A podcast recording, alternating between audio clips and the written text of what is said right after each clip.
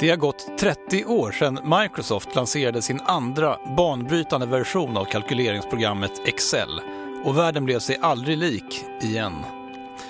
I veckans avsnitt reser vi tillbaka i tiden och hör om livet före persondatorns genombrott. Men grejen är, alltså det, du var ju tvungen att göra det med en eh, blyertspenna och suddgummi egentligen. Det var vad man hade. Det var en persondator. Jag tror den kostade då 120 000 så det är väl idag drygt en halv miljon kronor i dagens penningvärde. För en persondator som är... Eh, ja, ingen skulle vilja ha den idag ens en gång.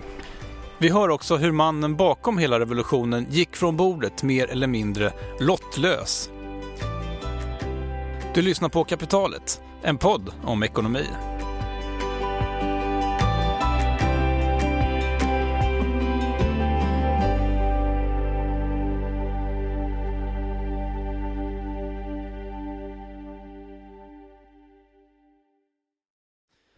Tusen tack till alla er som har bidragit med synpunkter och idéer i vår lyssnarenkät som nu har avslutats efter fyra veckor.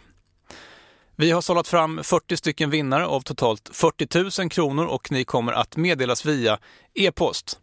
Den här tävlingen gjordes möjlig av Trine, eh, plattformen där ni kan investera i solenergiprojekt i Afrika. Jag har investerat i två projekt och väntar nu på min första räntebetalning som kommer i december. Det är lite spännande faktiskt. Kolla in jointrine.com. Som vanligt görs kapitalet med stöd av vår huvudsponsor SPP, pensionslösningar för företag och privatpersoner. Stort tack för stödet. Nu kommer veckans reportage.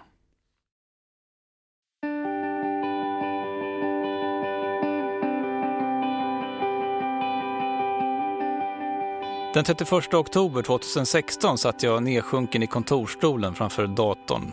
Som vanligt alltså.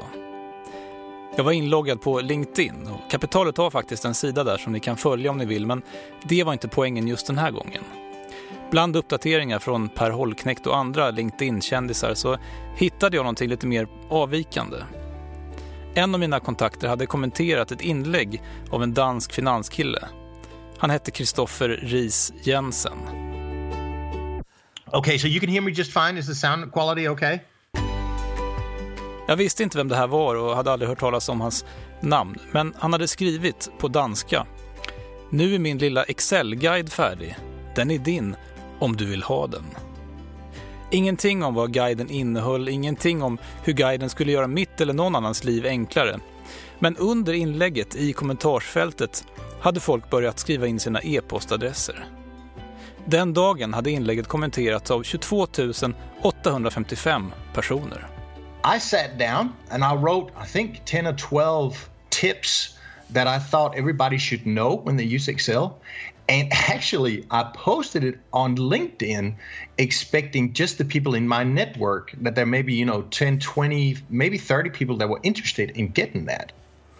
Turns out you saw 22,000. It actually ended up being 45,000 people that were interested in the guide. 45 000 personer, mestadels från Danmark och Sverige, hade hört av sig till Kristoffer Ries Jensen för att få hans hemmagjorda Excel-guide. What, what did I do? I, I just sat down and started writing their emails one by one and started emailing, emailing people. And everybody got their, uh, their guide? I, I presume so. I mean, I can't um, say that I didn't miss somebody.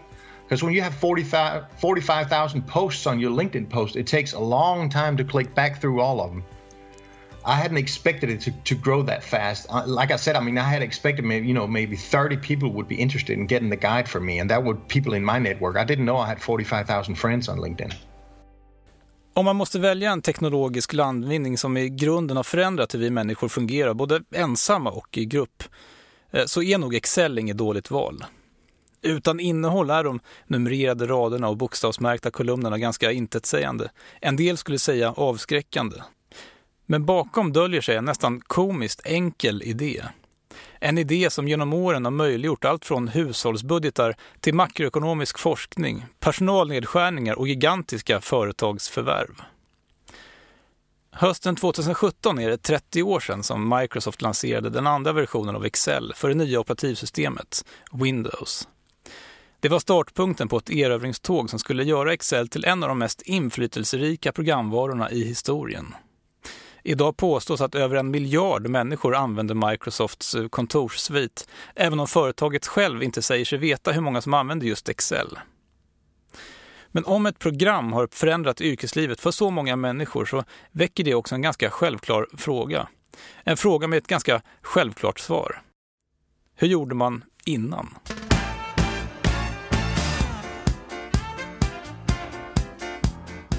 1979 har politikerna i Sverige bestämt sig för att subventionera fondsparandet. Flödena från landets privatsparare får börsen i Stockholm att vakna till liv efter 50 år i dvala. Egentligen började det i slutet på 70-talet. Eh, jag jobbade på något som heter Industrins utredningsinstitut. Märta Josefsson har gått på Handelshögskolan och sen fått jobb på det som idag heter Institutet för näringslivsforskning, där man ägnade sig åt nationalekonomisk forskning. Men Märta och hennes kollegor fick även utlopp för andra intressen. Vi var några stycken som satt vid kaffebordet och satt och tittade på värderingar på bolag och jag kommer så väl ihåg att Volvo värderades till fyra gånger vinsten, hade en direktavkastning på eh, över 10 procent. Visserligen hade vi större inflation då, men dock. Och så här var värderingen på Stockholmsbörsen. Du kunde köpa hela Stockholmsbörsen för 39 miljarder 1979, i slutet av 1979. 1980 blir Märta Josefsson en av Sveriges första aktieanalytiker. Det var innan yrkestiteln ens existerade. Hon började på aktiv placering, bolaget som förvaltade SE-bankens fonder. Ja, jobbet som analytiker var ju att försöka analysera bolagen. Och man börjar ju alltid med en årsredovisning då. Man börjar bakifrån, börjar läsa alla fotnoter. Och sen gjorde man den siffermässiga analysen och se var hur företaget såg ut, helt enkelt. Att förstå ett företags räkenskaper kommer alltid vara ett litet konststycke som kräver erfarenhet och lite känsla för vad som står mellan raderna. Men att få tillgång till den råa datan har aldrig varit enklare än 2017. Omsättningstal, resultattillväxt, lönsamhetsmått och allsköns nyckeltal finns bara en knapptryckning bort, ibland helt gratis. Men när Märta Josefsson började i branschen så gjorde man allting för hand. Från ax till limpa, med papper och penna. Ja, vi hade ju sådana här stora eh, A3-papper heter det. Som man satt och gjorde siffermässiga analyser. Vi hade stora diagram som man varje år satte in kursstaplar. Det gjordes ju också för hand. Men grejen alltså det, du var ju tvungen att göra det med en eh, blyertspenna och suddgummi egentligen. Det var vad man hade. Det var ett tidsödande arbete men som också hade sina fördelar. Eh, eftersom det var så jobbigt att ta fram siffror så var det ju inte så många som gjorde det. Aktiv placering på den tiden var väldigt ensam om att analysera alla börsbolag. Och en gång om året publicerade vi en bok då. Och jag kommer ihåg något år så stod det i stort uppslag Dagens Nyheter söndagsbilaga. Nu kommer Bibeln för alla aktieälskare. Och så var det ju. Alltså vi hade siffrorna. Det var ingen annan som hade det då. Varför använder ni inte en dator? alltså 1980 fanns inga datorer. Det var suddgummi och penna som gällde. Okej, det där sista var uppenbart en ganska dum fråga. Att räkna på balansräkningar, resultaträkningar och kassaflöden, det var ju bara en del av arbetet. Vi har också de här diagrammen som Märta pratar om. Det känns ju som världens mest självklara sak. Boken som Aktiv placering gav ut varje år innehöll stapeldiagram där läsarna kunde följa med i aktiekursernas utveckling. Har ni försökt att göra ett diagram utan en dator i närtid? Man klistrade remsor i ett millimeterpapper, logaritmisk skala om det är någon som vet vad det är, så att man fick lutningen på kurvorna riktigt. Och så klistrade man in lägsta och högsta under månader i staplar, på vita, vita små staplar som man klistrade in varje år. Och då sparar man ju de här diagrammen såklart i ett arkiv. Så nästa år var det ju bara ett år man skulle sätta in. För det var ju ingen annan som gjorde kursdiagram åt den. Nu trycker man på en knapp på telefon och får kursdiagrammet. Men då var det ju handgjort även det. Jag vill inte på något sätt göra mig rolig över att man gjorde saker och ting för hand på 80-talet. Men det är rätt kul att påminna sig om hur mycket världen har förändrats på ganska kort tid. För att göra dåtiden rättvisa så fanns det förstås datorer. Problemet var bara att de låg insprängda i något bergrum och sköttes av specialister som sällan kom i närheten av den dagliga verksamheten eller ens ut i dagsljuset. Förmodligen så kom man aldrig i närheten av specialisterna heller. Det var först när teknologin gjordes tillgänglig för tjänstemännen som förändringen blev möjlig. De första burkarna med tillhörande kalkylprogram kom till Sparbankernas bank i mitten av 80-talet. Ja, det måste ha varit någon gång i början 1985 som jag såg eh, Eh, en person, Per Aspegren på Sparbankernas, eller på det som hette Robur på den tiden, eh, hade ett eh, symfoniprogram. Mm. Ja, mitt namn är Evert Karlsson och jag sitter till dagligdags i, här på Handelshögskolan i Göteborg som lärare. Vi träffar Evert Karlsson i Göteborg där han har ena foten i akademin och den andra nedkörd i näringslivet. För 30 år sedan var han en av många unga svenskar som hamnade mitt i den här revolutionen. Efter examen från Handels i Göteborg fick han jobb på Sparbanken i Stockholm och hörde snart till den generation unga svenskar som först började handla med finansiella derivat, optioner och sånt. Priserna fluktuerade våldsamt och för att inte spekulera bort bankens pengar så behövde man helt enkelt räkna. Ja, det var ju helt centralt därför att det, eh, tidigare så när jag kom till, eller hade ju för inte med mig att göra, men tidigare hade man ju då haft eh, handlat obligationer på ett börsgolv. Och då eh, ja, samlades noterna in i slutet på dagen och sedan så registrerades de av någon och så nästa dag fick man ut en sån här lång eh, ja, datalista. Det är nästan otänkbart att tänka sig en sån idag. Eh, och på den så kunde man se vad positionerna var. När handeln då avreglerades istället så var det ju en mycket större omsättning i realtid och då gjorde det att positionen som banken hade och som tradingrummet hade den ändrade sig löpande under dagen. Och eh, riskerna såg ju, mm, ändrade sig också radikalt under dagen. Vilket gjorde då att man hade behov för att ehm, räkna om och ta reda på vilka positioner och vilka risker som man faktiskt hade i realtid. Men när du fick börja handla, då, hur, hur höll man koll på bankens då risker? Man, eh, då hade man papper och penna och så hade man det här stora datalakanet som man fick in på morgonen. Och så satt man och gjorde markeringar på det.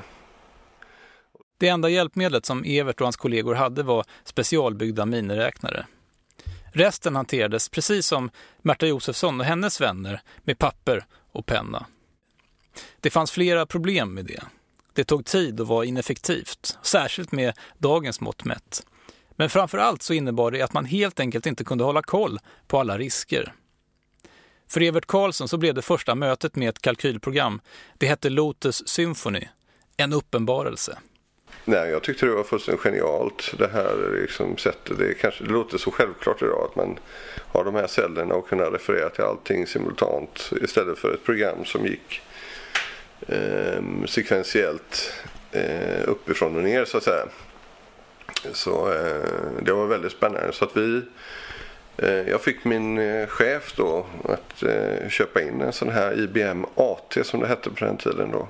Det var nog den bland de dyraste investeringar som Swedbank hade gjort. Var hade du en persondator? Det var en persondator. Jag tror den kostade då 120 000 så det är väl idag drygt en halv miljon kronor i dagens penningvärde för en persondator som är eh, ja, ingen skulle vilja ha den idag ens en gång. För er som använder ett kalkyleringsprogram så är det här självklart. Men för alla andra? Själva tjusningen är att en ruta i ett kalkyleringsprogram kan referera till värden i en annan ruta, eller cell som det heter. Om du gör en hushållsbudget så kan antagandet om framtidens boräntor uppdateras och omedelbart uppdateras alla beräkningar som refererar tillbaka till ditt antagande. Det är nästan omöjligt att tänka sig hur mycket tid som sådana som Märta Josefsson har lagt på att utföra beräkningar som idag tar en sekund. Och ändå var det här bara början.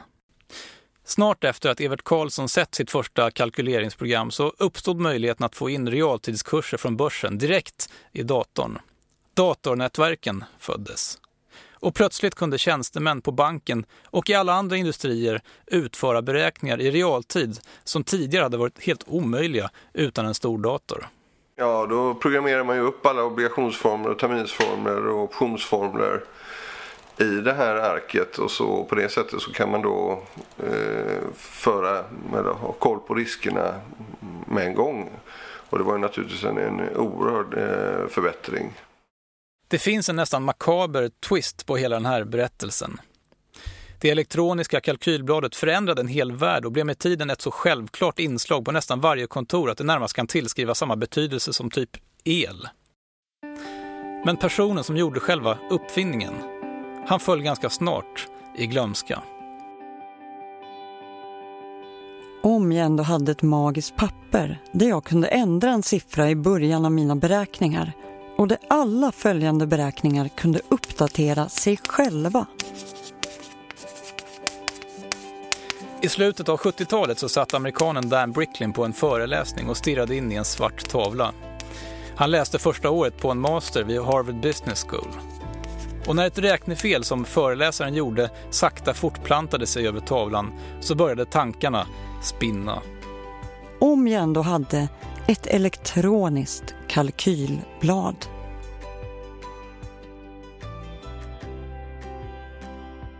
Vi har sökt Dan Bricklin för en intervju, han existerar förstås på riktigt.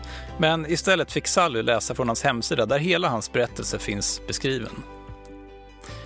Dan Bricklin hittade snart en kille som kunde programmera och tillsammans så utvecklade de ett datorprogram där beräkningar kunde göras i celler som arrangerats i rader och kolumner. Han använde programmet som case i en marknadsföringskurs och utformade den första tidningsannonsen. Den löd. Först kom papper och penna, sen kom räknestickan och miniräknaren. Nu kommer nästa steg, Calculedger. Även om du inte kan programmera kommer du att tycka att Calculedger är enkelt att använda.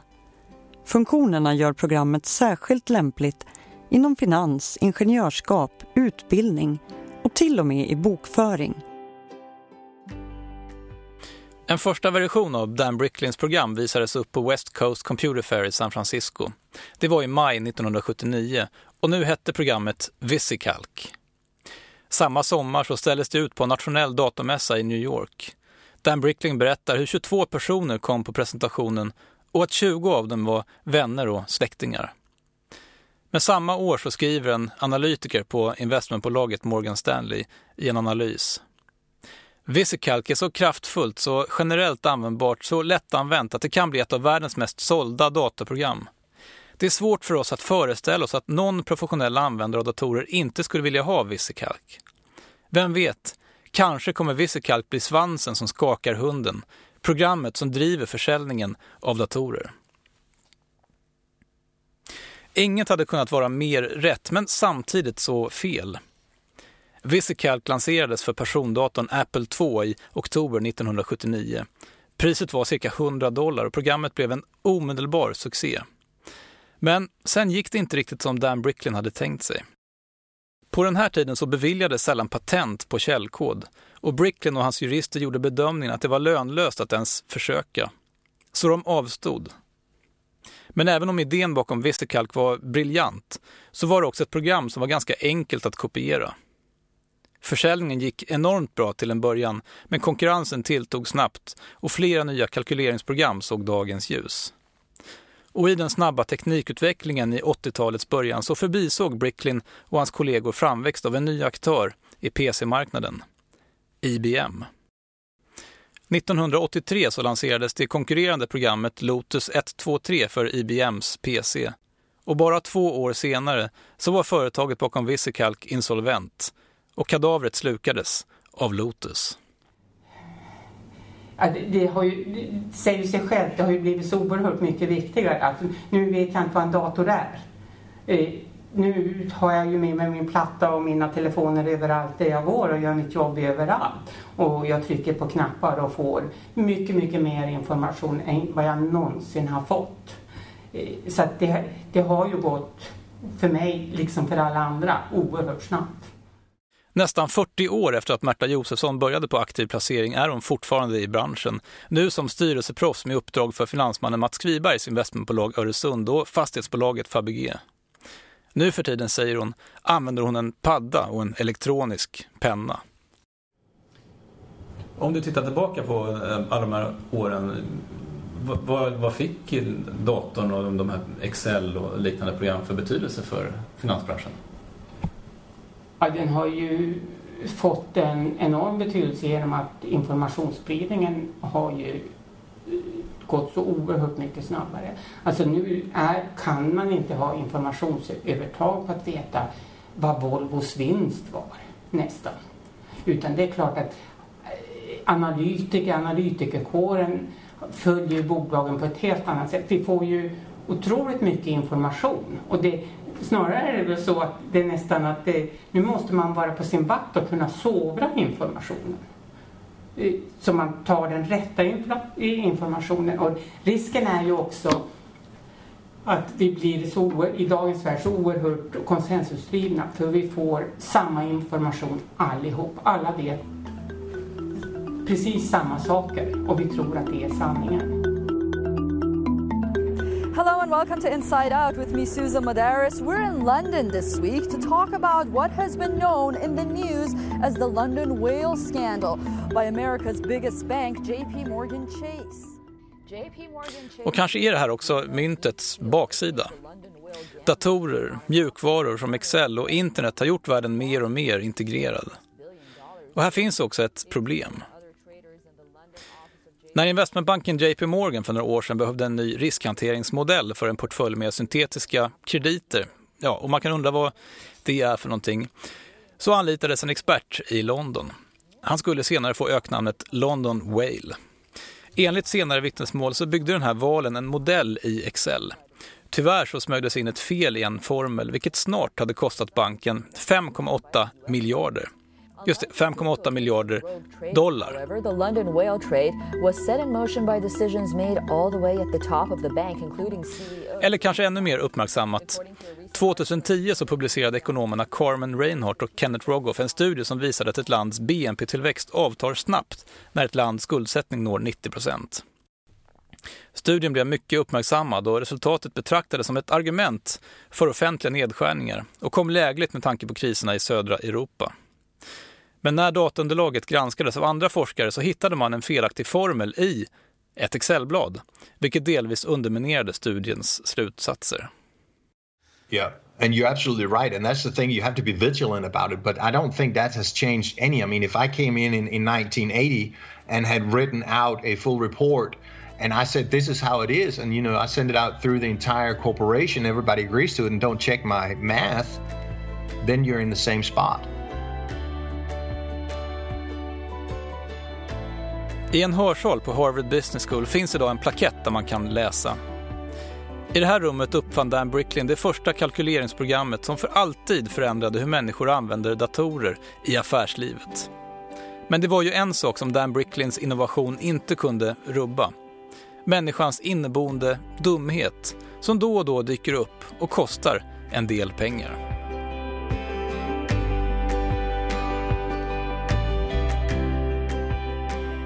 Sist i reportaget hörde ni dansken Kristoffer Ries Jensen och ni hittar hans nästan osannolikt populära Excel-guide på level-app.dk svenska.